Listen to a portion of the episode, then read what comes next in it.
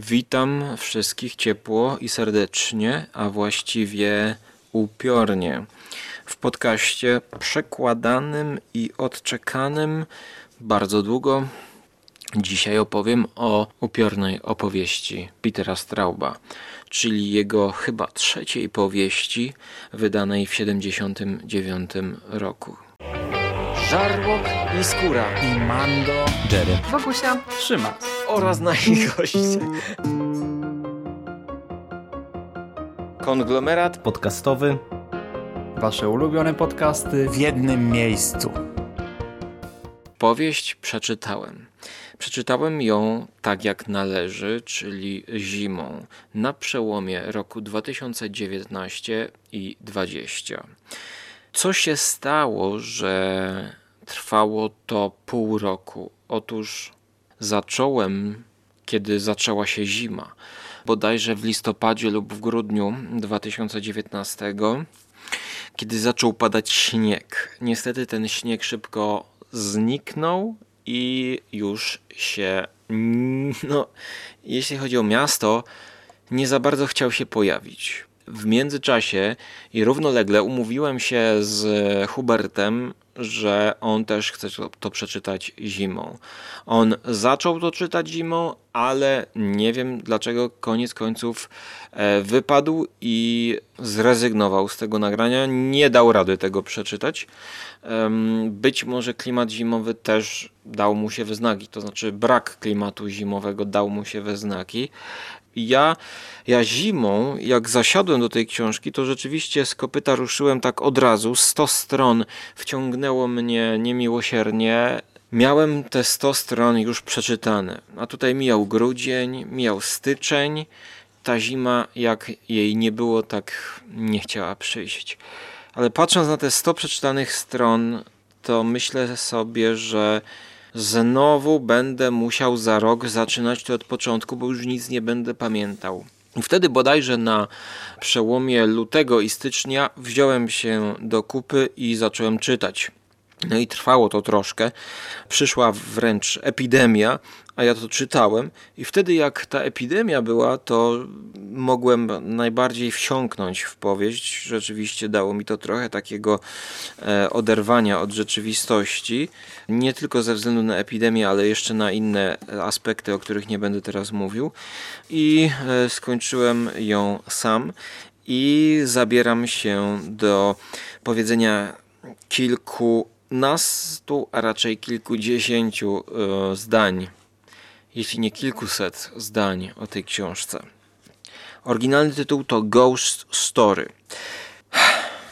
Mam tremę. Naprawdę 620 stron w nowym wydaniu Vespera przyprawia mnie o ciarki, jak e, obrazek na stronie tytułowej szczupłej, chudej kobiety z długimi pazurami, idącej na tle czy to jakiegoś drzewa, czy to właściwie dymu. Wygląda ona niczym duch, jakaś mara nocna. I rzeczywiście ten obrazek ma sens, gdyż jest to współczesna powieść gotycka.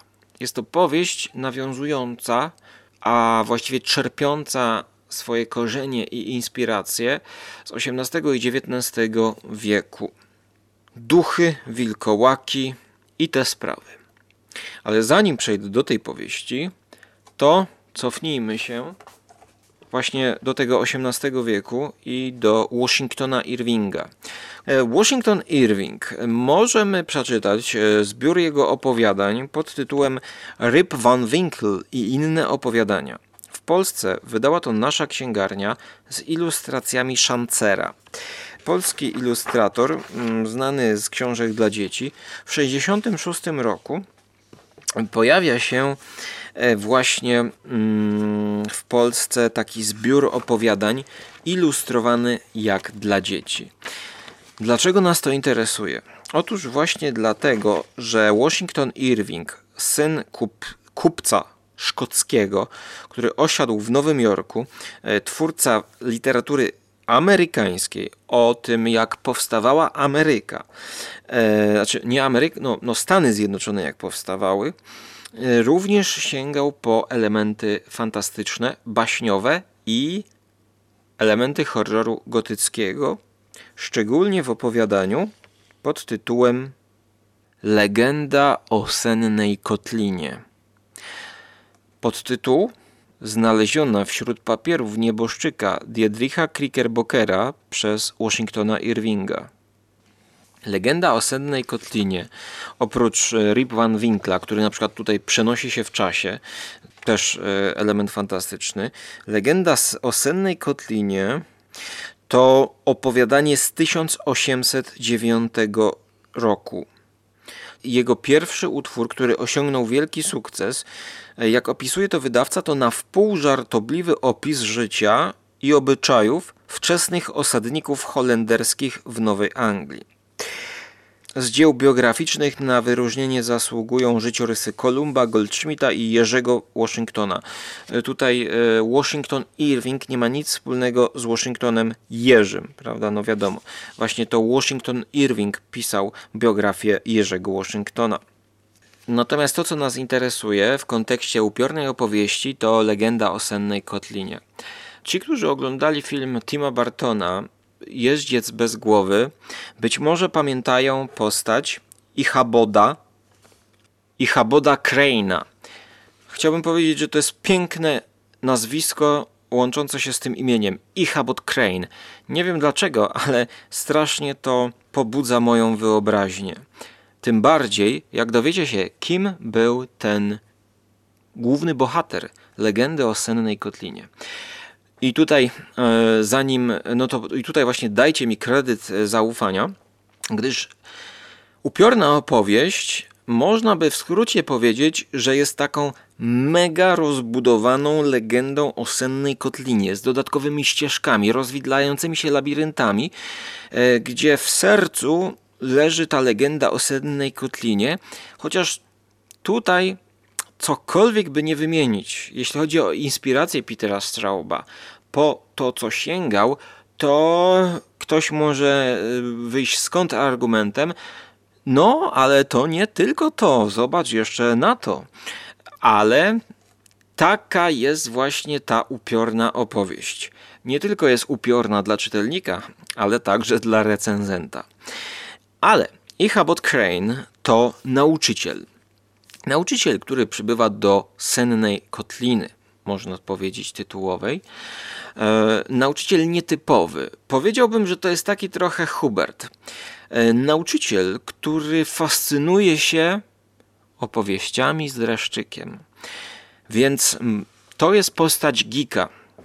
Nie wiem, czy wcześniej w literaturze była opisywana postać geeka. Niewątpliwie to jest geek. Gdyż jak czytamy w tym tekście, to posłuchajcie. Kobiety ceniły go jako wielkiego erudytę. Przeczytał bowiem kilka książek od początku do końca i był nieporównanym znawcą historii czarów w Nowej Anglii, Cottona Mathera, w które to czary, nawiasem mówiąc, wierzył święcie i bez zastrzeżeń. Stanowił w rzeczy samej dziwną mieszaninę małego sprytu i naiwnej łatwowierności. Apetyt jego na rzeczy nadprzyrodzone – i zdolność trawienia ich w nieograniczonych ilościach były jednako niezwykłe. Obydwie te cechy znacznie się jeszcze wzmogły dzięki przebywaniu w tej urzeczonej okolicy. Nie było opowieści tak nieprawdopodobnej lub potwornej, aby Crane nie zdołał jej przełknąć.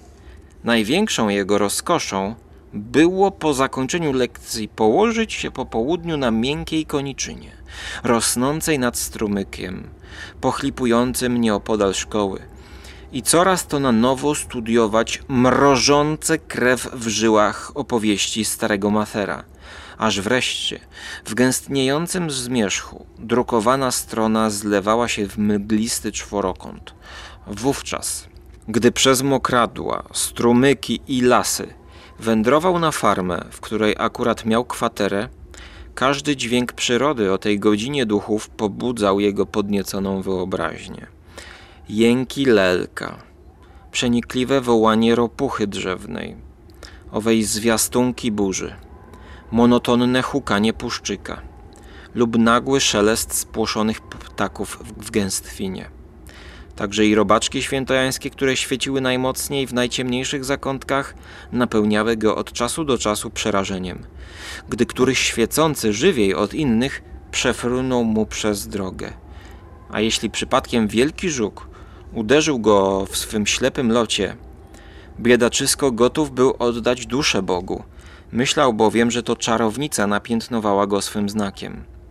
Jedynym sposobem w takim wypadku na odwrócenie myśli lub na odegnanie złych duchów było dla niego śpiewanie psalmów. To też zacnych mieszkańców sennej kotliny, siedzących wieczorem przed drzwiami swoich domostw, ogarniał często zabobonny lęk, gdy słyszeli nosowy głos nauczyciela, dobiegający z odległego wzgórza lub od ciemnej strony drogi. Będę jeszcze cytował, ale to jest człowiek, który jest nauczycielem w ustroniu tak zwanym. Jest pięknie opisana ta senna kotlina. Na początku mamy tutaj dużo opisów e, przyrody. Mm, przyrody właśnie takiej, no, rodem z horroru, trochę takiej zamglonej, choć pięknej. Jak pisze autor, wspomina o tym spokojnym ustroniu z najwyższą pochwałą, albowiem właśnie w takich małych, zacisznych dolinach holenderskich, które można było znaleźć tu i ówdzie w wielkim stanie New York, ludność, obyczaje i tradycje nie ulegają zmianom, a wielki potok migracji i postępu, wywołujący tak ustawiczne zmiany w innych częściach naszego wielkiego państwa, przepływa obok nich niezauważony. To też wiele lat minęło od czasu, kiedy spacerowałem po cienistych zboczach sennej kotliny.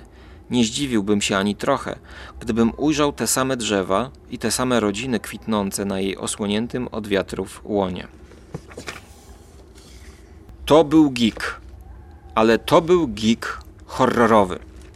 Innym źródłem rozkosznych dreszczyków były dla Ichaboda długie wieczory zimowe spędzane ze starymi Holenderkami przędącymi przy kominku. To był geek, który lubiał siedzieć przy kominku co jest bardzo ważne w kontekście opowieści z dreszczykiem, opowieści upiornej. Kominek jest bardzo ważny dla wielu opowiadań, klasycznych opowiadań grozy, które możemy czytać w serii, całej znakomitej serii Biblioteki Grozy, którą tutaj też obficie będę wspominał. Z Torunia, wydawane przez CIT, tłumaczone jako Crime and Thriller, choć są to horrory. Ileż tam było tych tekstów wspominających grupę ludzi siedzącą przed kominkiem, rozpalającą w kominku. Kominek, który nagle wygasa albo nagle się rozpala.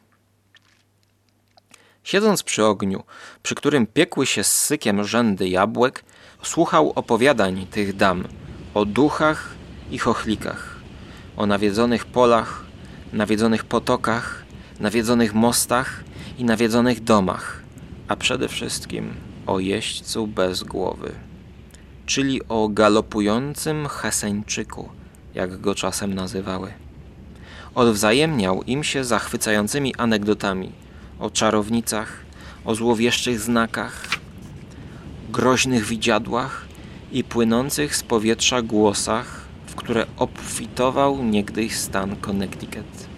Budził w nich grozę, rozprawiając o kometach i o gwiazdach spadających oraz wprawiał staruszki w absolutne przerażenie, twierdząc, że Ziemia niewątpliwie się obraca i że przez połowę doby znajdują się do góry nogami. No tutaj może chciałbym wycofać swoje słowa, gdyż nie podejrzewam kolegi Huberta Spandowskiego z podcastu Radio Stephen King, aby straszył staruszki. Ale jeśli to wszystko było miłe, gdy się siedziało przy kominku w pokoju wypełnionym czerwonym blaskiem płonących drew, którym żaden duch nie śmiał się oczywiście pokazać. Przyjemność ta drogo była okupiona podczas powrotu do domu. No, pamiętam te opowieści różnych podcasterów.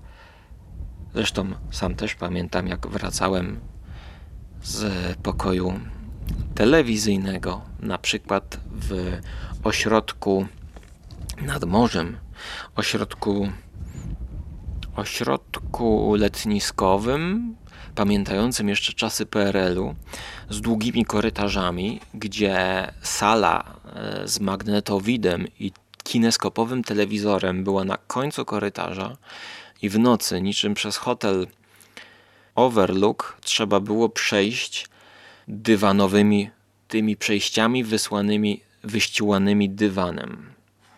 Po jednym seansie Misery było to wyjątkowo trudne. Wszyscy możemy identyfikować się z Ichabodem Crane'em.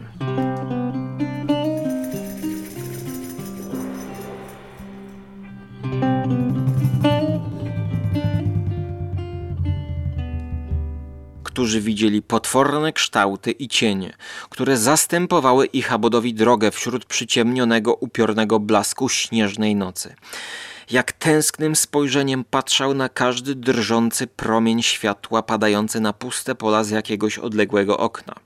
Jak często odczuwał dławiący strach na widok okrytego śniegiem krzaka, który niby widmo w całunie wyrastał raptem na jego drodze jakże często truchlał na odgłos własnych kroków po zamarzniętej ziemi i bał się obejrzeć przez ramię, żeby nie zobaczyć jakiejś potwornej zjawy postępującej tuż za nim. I jak często drętwiał ze zgrozy, słysząc nagły podmuch wiatru, świszczący wśród drzew. I sądząc, że to jeździec bez głowy wyrusza na nocne zwiady. Wszystko to były jednak mary nocne, gra wyobraźni człowieka idącego w ciemnościach. I chociaż widywał wiele duchów i bywał podczas swoich samotnych wędrówek nieraz napastowany przez szatana podróżnymi postaciami, to jednak poranek kładł kres władzy złych mocy i Ichabod, mimo diabła i jego knowań, pędziłby beztroskie życie, gdyby drogi nie zastąpiła mu istota, która wpędza człowieka w gorsze tarapaty – aniżeli duchy, upiory i wszystkie czarownice razem wzięte. I tutaj chciałbym zrobić przerwę na reklamy, jeżeli takie by były, i sponsor, żebyście zastanowili się i odpowiedzieli sobie na pytanie, co to za istota, o której pisze Washington Irving, która jest groźniejsza niż wszystkie czarownice razem wzięte, wszystkie duchy i upiory która wpędza człowieka w gorsze tarapaty? Odpowiedź znajdziecie na okładce upiornej opowieści Petera Strauba. Mowa o wydaniu Vespera. Dokończę więc słowami Washingtona. Istotą tą była kobieta. I tutaj w narracji następuje koniec, e, skracając oczywiście ten cały obfity fragment opisujący, jakim jest nauczycielem Ichabod, jak brata się z ludźmi, że jest e, nauczycielem łagodnym, cały ten opis miasteczka, gdzie on e, chodzi do pracy i tak dalej. Następuje opis właśnie kobiety. Kobiety, która jest drugim kluczowym elementem w upiornej opowieści. W sennej kotlinie to Katarzyna van Tassel Katarzyna, która była córką zamożnego farmera Holendra, no bo właśnie no, Holendrzy e, byli jednymi z tych przybyszów e, z Europy, którzy zasiedlali wtedy, zasiedlali wtedy Amerykę. Kobieta, kobieta, kobieta. Pozwólcie, że naleję sobie herbaty. Czarnej herbaty, nazwanej Rwanda Black wystygła, ale można by powiedzieć, że jest czarna, przeparzona jak skóra doktora Rabbitfoota. Czarnego muzyka saksofonowego, grającego po nocach, wychodzącego na środek ulicy, będącego takim zwiastunem zbliżającego się zła do miasteczka w powieści upiornej opowieści.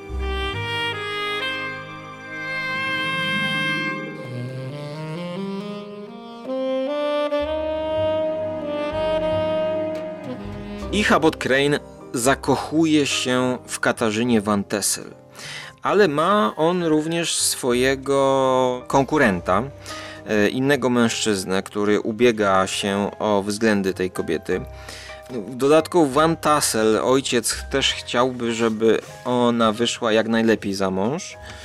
A problemem jest grasujący w okolicy jeździec bez głowy.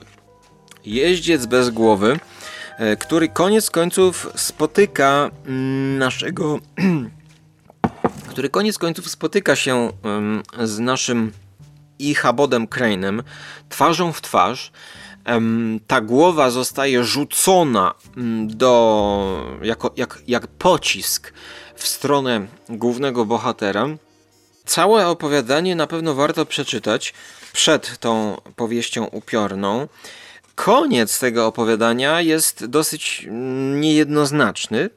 Z tego powodu, że on nie odnosi sukcesu, e, ten związek tutaj nie zachodzi pomiędzy kobietą a Ichabodem. Dodatkowo głowa, ten jeździec bez głowy, który rzuca głową jako pociskiem, to jest to też tak niejednoznacznie opisane, że możemy domniemywać, że to na przykład była rzucona dynia, która się rozprysła. No a jak wiemy, nasz Ichabod, mając takie problemy właśnie z może nie problemem w odróżnieniu rzeczywistości od fikcji, ale człowiekiem, który lubi się bać i czerpie z tego przyjemność, no to możemy domniemywać, że mm, on sobie to mm, trochę wyobraził, podkoloryzował. Przyjmujemy tutaj właśnie perspektywę postrzegania poprzez Ichaboda Crane'a. Posłuchajmy krótkiego cytatu. Zagadka znalazła wkrótce nie mniej przerażające rozwiązanie. Gdy wjeżdżali pod górę, wjeżdżali, czyli Ichabod na swoim koniu, dzięki czemu postać nieznajomego zarysowała się wyraźnie na tle nieba, olbrzymia i owinięta peleryną. Ichabod ujrzał ze zgrozą, że jego towarzysz nie ma głowy. Lecz zgroza ta jeszcze wzrosła, gdy zauważył, że ową głowę, co powinna by spoczywać na ramionach, jeździec wiezie przed sobą na ręku siodła. Strach nauczyciela zmienił się w desperację. Ichabod gradem kopniaków i razów osypiał pioruna. Piorun to jego koń. Mając nadzieję, że nagłym zrywem umknie towarzyszowi. Lecz upiór ruszył wraz z nim pełnym galopem.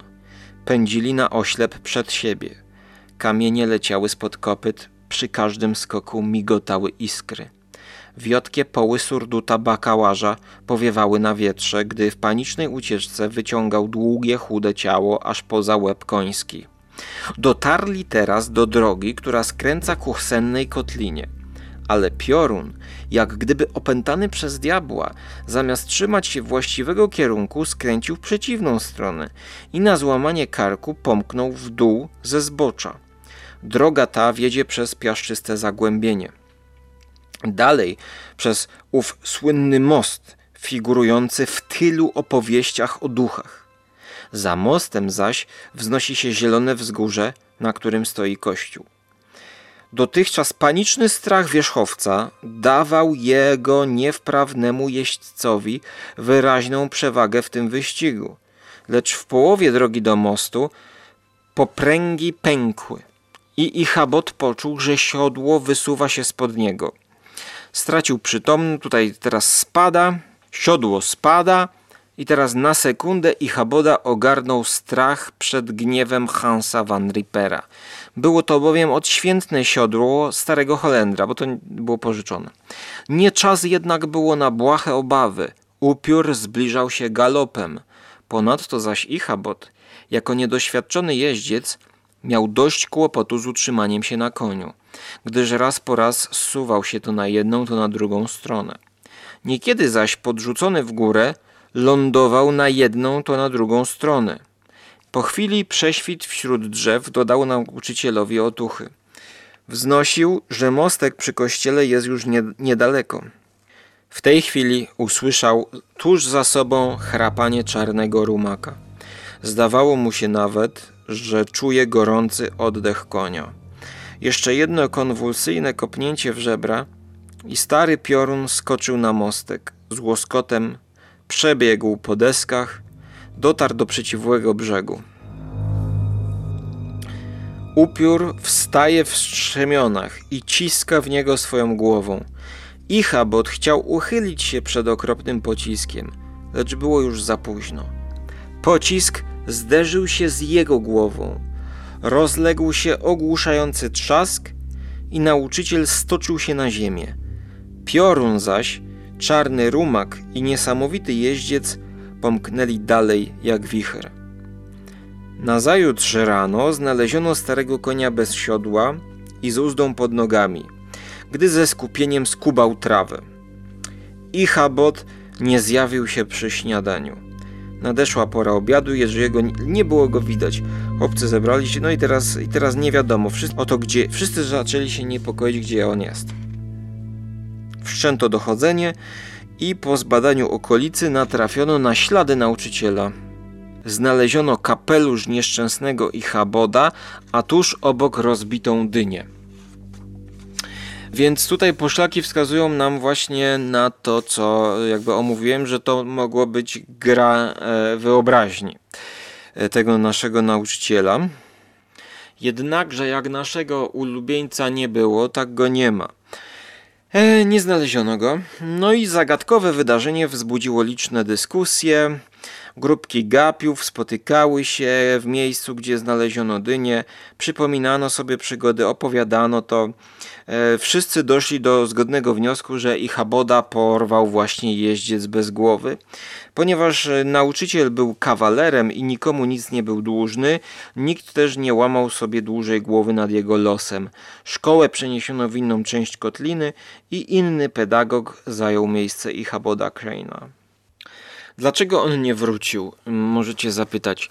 Wioska zrobiła z tego legendę. A on nie miał dokąd wracać w mojej interpretacji, gdyż ta kobieta go nie chciała i właściwie musiał zmienić swoje życie, najprawdopodobniej wyjechać.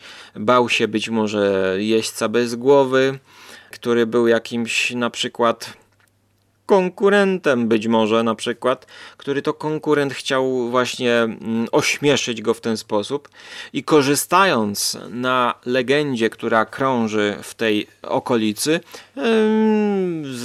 coś takiego wymyślił, zaaranżował, założył kostium odpowiedni i rzucił w niego dynią.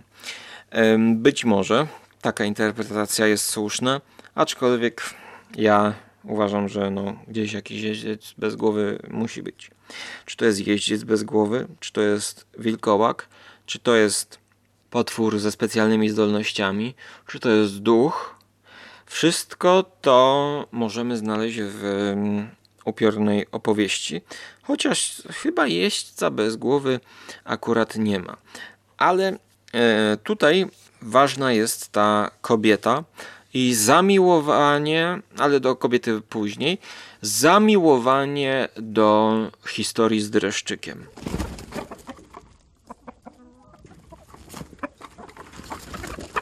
Dlaczego ja to wszystko tak przerobi, przeczytałem wam, przerobiłem?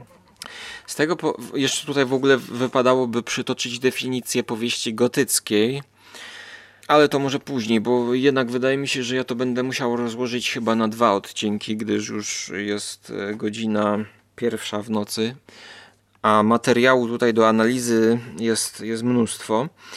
Więc, żeby zakończyć wątek tego geeka, to właśnie upiorna opowieść jest o grupce znajomych geeków. O tak zwanym klubie gentlemanów, E, zwanym stowarzyszeniem, stowarzyszeniem Chowder.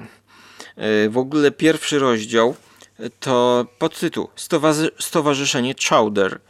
Opowieści październikowe. Oczywiście skojarzenia z październikową krainą Reja Bradborego są jak najbardziej na miejscu. Tutaj w ogóle bardzo dużo skojarzeń jest na miejscu. A samo chowder to podobno gęsta zupa rybna e, lub na bazie innych owoców morza. Jej gotowanie trwa bardzo długo. Oni siedzą e, w Milburn, w Milburn i jako starsi dziadkowie już, dziadkowie, no albo tacy już starzejący się, zmierzający do dziadostwa, powiedzmy mężczyźni, mm, spotykają się po pracy. Tutaj jedni są prawnikiem, 70-letni prawnik, to Frederick Hawthorne. Frederick Hawthorne, 70-letni prawnik, który ma swojego kolegę, e, nie Ricka, mm, kurde, ja to mam problemy z tym Rickiem właśnie, to jest Frederick, to jest Rick, e, z Peterem, swoim kolegą Peterem, Frederick Hawthorne, Hawthorne, Frederick Hawthorne, Frederick John Jeffrey, Frederick Hawthorne, Hawthorne, Hawthorne, Peter Sears, Sears, Sears, Peter Sears. Początkowo poznajemy Fryderyka Hawthorne, mniej więcej tak, 70-letni prawnik, e, który e, współpracuje z Peterem Searsem, jeśli dobrze pamiętam, a właściwie z Jamesem Searsem w Milburn. Prowadzą poradnię i e, poradnię adwokacką. Znają miejscowych ludzi, znają społeczność miejscową, mają wśród nich swoich klientów, jak na przykład farmera, któremu właśnie zarżnięto kolejne owce, jadą do niego na wezwanie. Po tym wezwaniu, co jest takim wycinkiem z mm, ich zwykłego, typowego dnia, wsi spokojna, wsi wesoła, właściwie miasteczko, spokojne Milburn, tak wygląda. Muszą jechać do farmera, żeby sprawdzić, co podejrzewa. Czy może kogoś farmer złapał, bo okazuje się, że ten farmer wie, wie kto morduje i zarzyna jego owce. I tutaj każdy właściwie element jest elementem rozwidlającej się układanki. Układanki, która przeradza się w taką konstrukcję dosyć skomplikowaną, Dlatego tę książkę warto czytać za jednym zamachem, za jednym podejściem. Ale wymagania, jakie stawia nam autor, to kredyt zaufania przez pierwsze powiedziałbym 50 stron. Podobnie jak e, u Dana Simonsa w letniej opowieści, mm, musimy poznać e, ludzi, dramatu, głównych bohaterów, zapamiętać ich nazwiska. Doradzam e, zrobienie sobie notatek i zrobienie takiego drzewka, kto jest kim, jaki ma zawód. Gdyż to ułatwi wam, zapewniam wam, zapewniam was, że to ułatwi. Według mnie w ogóle na końcu książki tutaj by się to przydało. Tak jak jest w dramatach, to jest, to jest normalna rzecz. Um, więc Głównych bohaterów jest więcej, ale Frederick i Sears i James Sears albo Peter, ja już, ja już nie pamiętam, przepraszam, są właśnie członkami stowarzyszenia Chowder, które spotyka się w zależności y, gdzie mogą, to u domu, w domu takiego gentlemana, kolegi, który akurat chyba e, nie ma żony, albo właściwie ma, ma, warunki, jak pamiętam. On ma warunki, no bo muszą być warunki. Musi być e, odpowiedni klimat, wiecie, meble, to jest dom, gabinet specjalny, ten, ten kominek. Nikt nie może im przeszkadzać. Oni mają swoje własne rytuały, oni mają swoje już e, po, po, nazwijmy to takie starcze wymagania, za, o, zachcianki, e, tradycje. Chcą, żeby to spotkanie było pełne. Chcą, żeby wejść w narrację. Chcą całkowitej imersji w opowieść, jaką snuje jeden z nich, kiedy się spotykają. Kiedy oni się spotykają, to po prostu drugi wyznaczony człowiek wśród nich ma opowiedzieć jakąś historię. Najstraszniejszą historię, jaka jest możliwa. Od tego się zaczyna. Sers zaczyna opowiadać swoją historię i zachwala, że to będzie najstraszniejsza, jaką opowie do tej pory, jaka mu się przydarzyła. Zastanawiamy się, czy to jest historia prawdziwa. Zastanawiamy się, czy to jest najstraszniejsza rzeczywiście, czy to jest autoreklama i rodzaj takiego wprowadzenia znanego, czy to z Edgara Allana Poe, czy e, z Lovecrafta, czy właśnie z tego typu opowieści z dreszczykiem, gdzie zanim przejdziemy do fabuły, to musimy odpowiednio wprowadzić czytelnika w stan wiary, że to, co opowiadamy, jest prawdziwe. Czyli najpierw, zanim przejdziemy do fabuły, tak jak ja e, przejdę do właściwej audycji, to muszę zrobić tło. To pisze Edgar Allan Poe, że on znalazł rękopis.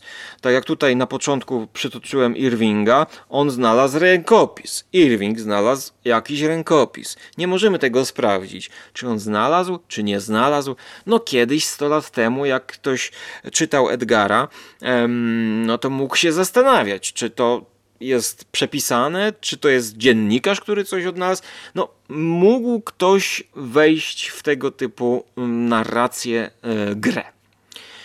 Dzisiaj robi się tego typu zabiegi, czy to w filmach, mokumentary, czy to um, dając napisy początkowe jak Fargo, że ta historia została w stu procentach opowiedziana zgodnie z prawdą. No, bracia Coen uwielbiają się w to bawić.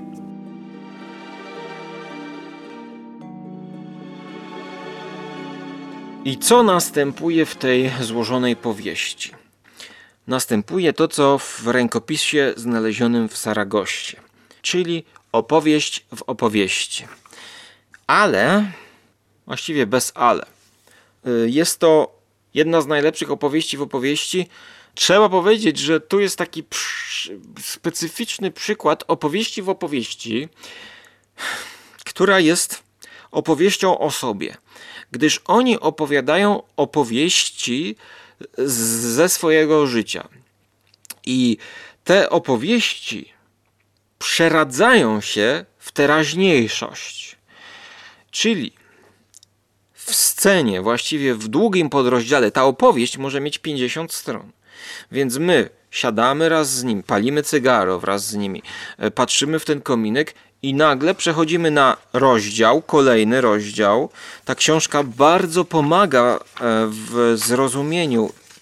Ta książka pomaga sobie, e, tytułując rozdziały nazwiskami postaci. Sir James, jest opis tego Sir Jamesa w, w teraźniejszości w Milburn, a także e, tytułami tych opowiadanych opowieści. Przyjęcie u Jeffreya. Kiedy my dostajemy tą opowieść, to wiemy, że jesteśmy w opowieści. Jednak oczywiste jest to, że te, to są opowieści z życia wzięte tych ludzi. Dodatkowa część narracji to opis przeszłości. Książka podzielona jest na trzy części. I teraz tak, już w tej części pierwszej mamy przyjęcie u Jeffreya opisane bardzo ważne przyjęcie u Jeffreya. Jeffreya, jednego z członków tego stowarzyszenia. Natomiast cała część pierwsza jest zatytułowana po przyjęciu u Jeffreya. Czyli mamy e, grę z czasem, którą trzeba złapać, bo część pierwsza to jest po przyjęciu u Jeffreya, i w tej części, która teoretycznie powinna być po przyjęciu, mamy podrozdział zatytułowany Przyjęcie u Jeffreya, gdzie to przyjęcie jest opisywane. Dodatkowo mamy prolog. W prologu mamy e, wprowadzoną postać kogoś, kogo jeszcze nie wiemy, kim jest. Pytanie, od czego zaczyna się ta książka? Ta książka ma takie dwa początki, powiedziałbym. Pierwszy początek to jest ten prolog, enigmatyczny prolog, filmowy niezwykle, który ma nas złapać za gardło i postawić przed zagadką. Gdyż Oprócz tego stowarzyszenia mamy właśnie człowieka, mężczyznę, który jedzie przez Amerykę samochodem z dziewczynką. Kilkulatką, chyba 10, około 10 lat ona ma, z dziewczynka młoda. Dlaczego jedzie? Dokąd jedzie? Nie wiemy. Ale to, co wiemy, to, że ma wobec niej złe zamiary. Mamy kilka podejrzeń. To może być porywacz, gwałciciel, pedofil, ale atmosfera, jaka jest zrobiona wokół tego tajemniczego porwania to jest właśnie niesamowita tajemnica, gdyż podejrzewamy, znaczy podejrzewamy, mamy utajone przesłanki, dlaczego on porwał i przechwytuje tą dziewczynę. Czyli podskórnie czujemy w narracji, że no, ta dziewczynka to nie jest zwykła dziewczynka. Ale z drugiej strony autor tego nam nie odpowiada jednoznacznie. I to długo, długo nie dostajemy tej odpowiedzi. Więc jest tutaj element taki, że my wraz z tym głównym bohaterem zaczynamy zadawać sobie pytanie nieetyczne. Czy ta porwana dziewczynka to jest porwana w słusznym celu? Czujemy się już nieswojo na samym początku tej powieści. Ten wątek zostanie rozwinięty, więc powtarzam, że to jest jeden początek i teraz drugi początek, już taki, e, który jest kontynuowany. E, mamy opisane znowu to przyjęcie u Jeffreya. I teraz mamy, jeśli dobrze pamiętam, mamy trzy warstwy czasowe. Co tu jest najciekawsze? Najciekawsze jest moment, w którym my łapiemy to wszystko do kupy i zaczynamy śledzić to równocześnie w tych wszystkich e, strefach czasowych. Wczytywanie się w każdą z tych narracji jest na swój sposób przyjemne, gdyż inny klimat jest prologu, inny klimat jest stowarzyszenia, czyli tego zwykłego życia. Można by powiedzieć, że to są takie łączniki w antologii. Jeżeli mielibyśmy antologię filmową, to to jest taki łącznik pomiędzy kolejnymi opowieściami. Że oni przychodzą do tej pracy, coś tam robią w gabinetach i tylko marzą, żeby spotkać się z kumplami, napić whisky i opowiedzieć kolejną historię, która będzie elementem całej układanki. No oczywiście Stephen King oddał hołd um, Peterowi w swojej noweli Ciało, gdzie tam właśnie się też spotykają i opowiadają jedno takie opowiadanko i my jesteśmy czytelnikami.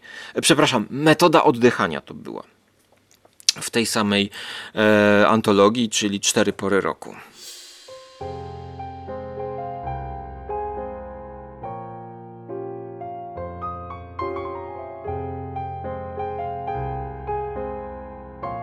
Część druga to zemsta doktora Rabbitfoota.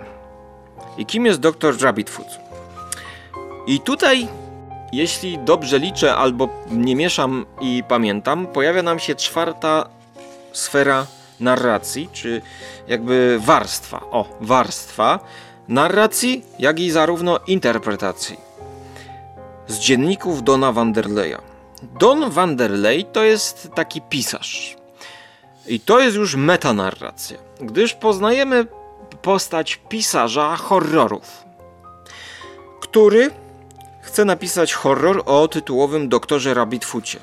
To jest właśnie czarny saksofonista, jakiś taki dziwak, postać rodem, jakby no, wyjęta ze Stephena Kinga, taka mm, bajkowa, baśniowa, oklejona jakimiś świecidełkami, niespodziewanie pokazująca się w nocy na ulicy, maszerująca, grająca te, te, te jazzowe zagrywki, siejąca strach i będąca zwiastunem wszystkich wydarzeń rodem z horroru.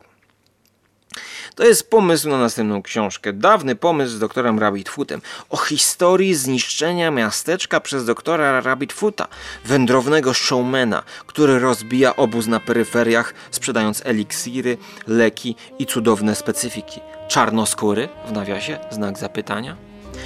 Przy tej okazji daje różne przedstawienia: jazz, tańczące dziewczęta, puzonista, wachlarze, bańki mydlane itd. Tak Jeżeli kiedykolwiek widziałem idealne tło dla tej opowieści, to było nim Milburn. I ten właśnie pisarz chce obsadzić tę książkę w mieście, w którym dzieje się akcja. I teraz e, ten Don Vanderlei, kolejna postać pisarza, narzuca nam, daje nam możliwość metanarracji, gdyż no o czym jest ta książka? Ta książka jest o snuciu opowieści, między innymi. O snuciu historii z dreszczykiem. I w pewnym momencie bohaterowie czują, że to, co się dzieje wokół nich, jest takie nierealne. Czy oni sobie zdają, że są postaciami książki? To już jest e, powiedzmy na spoilerową e, interpretację już z cytadami, z przykładami, ale to jest powiedziałbym takie trzecie albo czwarte nawet dno tej książki, gdyż to, czy ma większe znaczenie? E, znaczy większe, no na pewno ma znaczenie, gdyż jak mamy wypowiedzi Petera Strauba, to on właśnie specjalnie wprowadził nam tę postać pisarza i notabene ten pisarz w kluczowych momentach ma pomóc stowarzyszeniu e, w rozwiązaniu wielu problemów żeby nie spoilerować.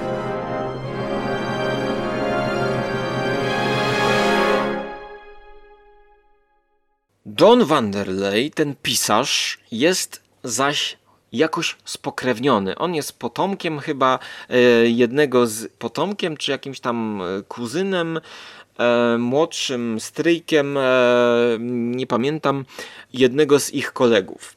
I teraz, mm, dlaczego to jest ważne i to ma wpływ i się zazębia? Dlatego właśnie, że ten też co się nazywał Wanderley, był w coś najprawdopodobniej wmieszany. Wszyscy tutaj byli w coś wmieszani. Nie wiemy w co, ale podskórnie czujemy, że skoro oni są starsi, opowiadają o tej przeszłości, to, że jest jakaś przeszłość, która ich prześladuje. I tutaj ma znaczenie nawet to właśnie drobne zdarzenie zaszlachtowania owiec. Przeszłość ich ścigać będzie. Y, przeszłość ich ściga w tych opowiadaniach, które oni opowiadają, żeby doznać swoistego katarzis. To jest coś tak trochę jak wizyta u psychologa, że oni się mogą wygadać, opowiedzieć to, co najgorsze oni e, zrobili, na przykład, najgorsze, co ich spotkało, i wyrzucić to z siebie po prostu. A wyrzucając to z siebie, oni napędzają mechanizm tej całej upiornej historii. Zapytacie, gdzie tutaj kobieta?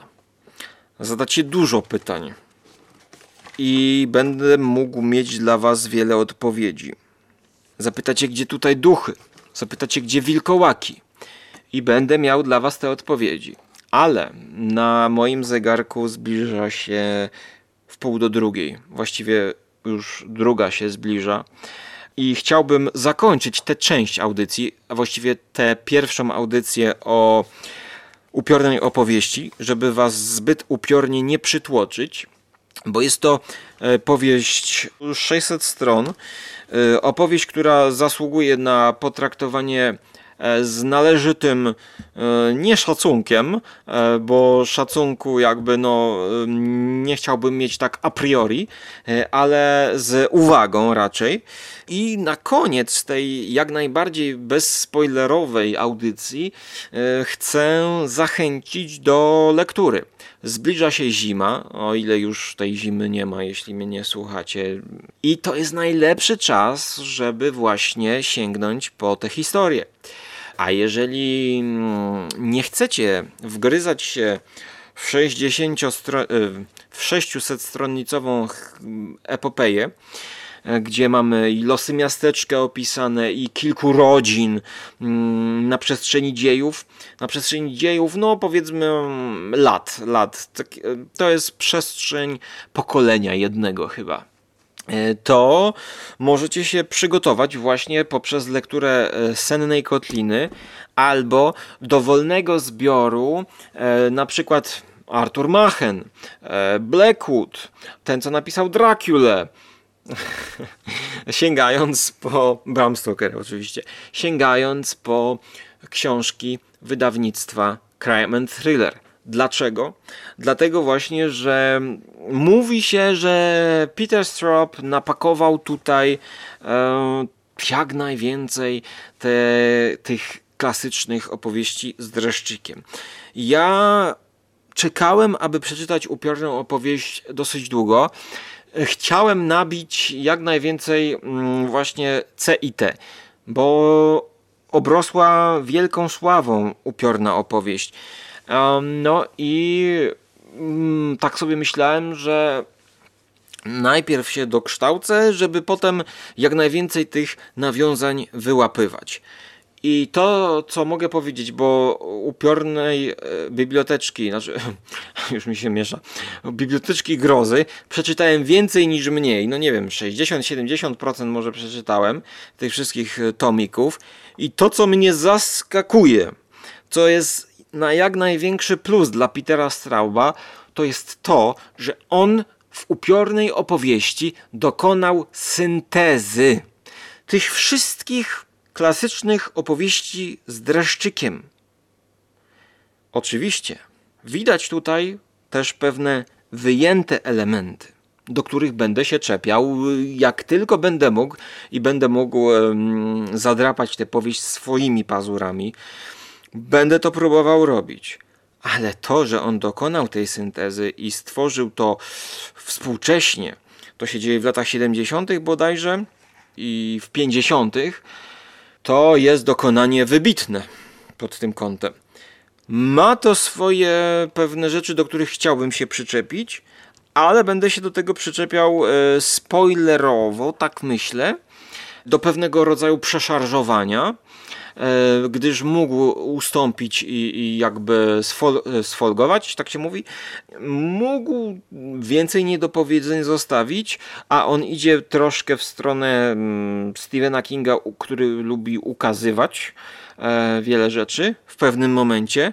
Zastanawiam się, dlaczego on tak robi, ale Peter Straub odpowiada też na te pytania, gdyż to jest taka intelektualna konstrukcja.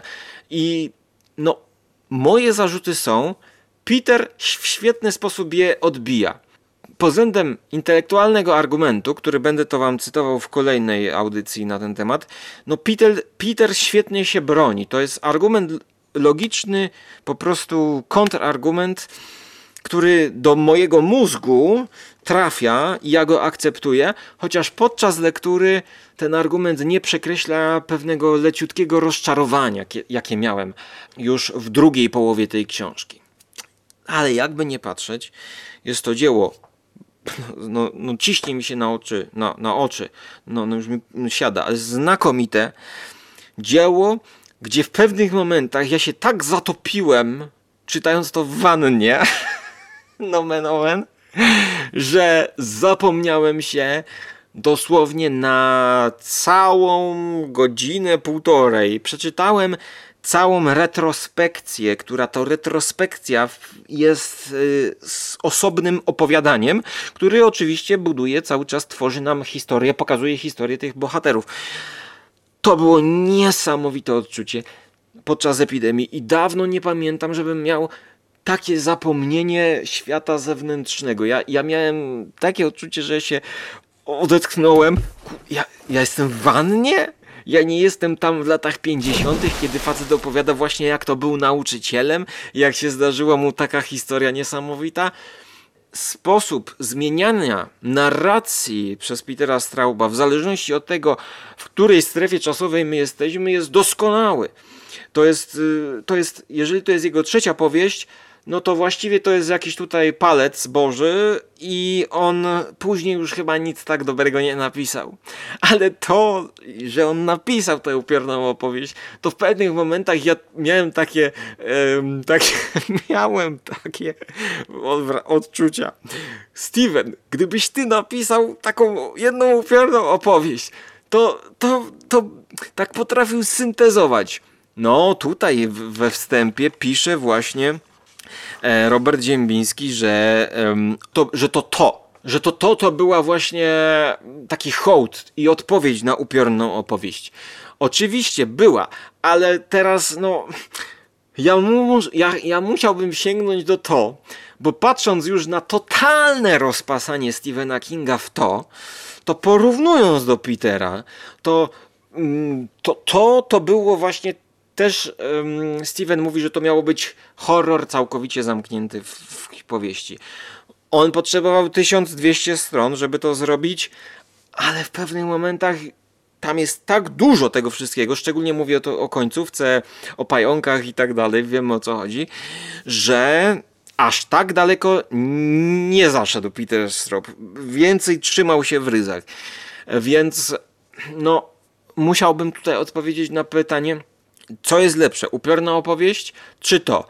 Szczerze mówiąc, nie wiem. Ale wiem, że upiorna opowieść jest, jest, jest znakomita. Czy chciałbym do niej wrócić? To jest też inna historia, gdyż ta to jest e, na swój sposób ciężka lektura. Jeżeli ktoś ma złe przeżycia, jakby e, w rzeczywistości, swoiste złe przeżycia, to może zaorać ta upiorna opowieść. I tutaj właśnie na okładce jest kobieta. Upiorna kobieta. I czy to jest o upiornych kobietach? To jest o duchach, które nas prześladują, powiedziałbym. Dla każdego może to być coś innego ten wątek też Peter Straub wykorzystuje. Właściwie ja bardzo żałuję, że nie udało nam się z Mando spotkać, aczkolwiek myślę, że o tej powieści można dużo nagrać audycji, które będą uzupełniać, dokładać do tego swoje spostrzeżenia i poszerzać zarówno interpretacje, jak i do, możemy dokładać własne opowieści. To jest ciekawy materiał do przemyśleń i myślę, że książka, która wreszcie doczekała się dobrego tłumaczenia, ładnego wydania w Polsce. I zastanawiam się, dlaczego nie ma więcej powieści Petera Strauba.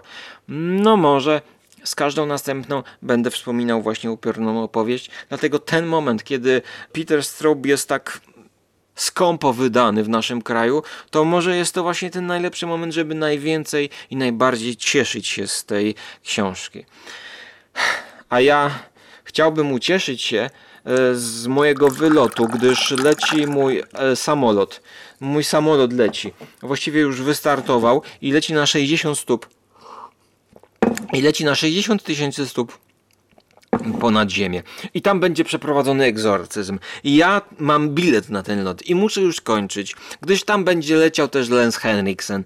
Ja bardzo chcę się z nim spotkać i pośmiać. I też e, opowiem Wam o tym w innej audycji. E, być może już ta audycja jest. E, nie wiem w jakiej strefie czasowej teraz co już jest, bo troszkę się pogubiłem, więc muszę skończyć.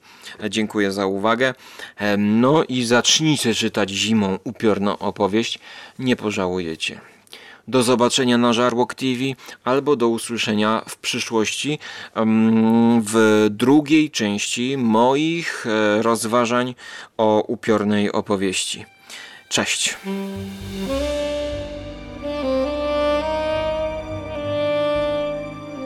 Podczas edycji zdecydowałem, że drugi odcinek, kontynuacja rozważań o upiornej, będzie dostępna tylko dla patronów. E, głównie z tego względu, że jest to takie głębsze wejście. Moja interpretacja e, będzie spoilerowo ponad godzinę o tej znakomitej powieści Petera Strauba a jako, że ostatnio wprowadziłem e, próg e, piątaka, e, to promocyjnie wysyłam za piątaka linki do audycji dostępnych dotychczas, dotychczasowo tylko dla patronów, również do vloga z szafy. Tak więc zapraszam do wejścia w zimową aurę powieści Petera Strauba patronite.pl audycja z kury pisane przez Z a przy okazji upiornej opowieści zwanej zimową opowieścią, chcę powiedzieć, że seria filmów zimowych jest kontynuowana i będzie też trzeci odcinek o zimowej opowieści w ekranizacji Irvinga, czyli z 81 roku i to będzie w którymś z przyszłych odcinków serii Filmy Zimowe tyle na dzisiaj. Trzymajcie się i polecam jakiś spacer na śniegu. Najlepiej z podcastem na uszach.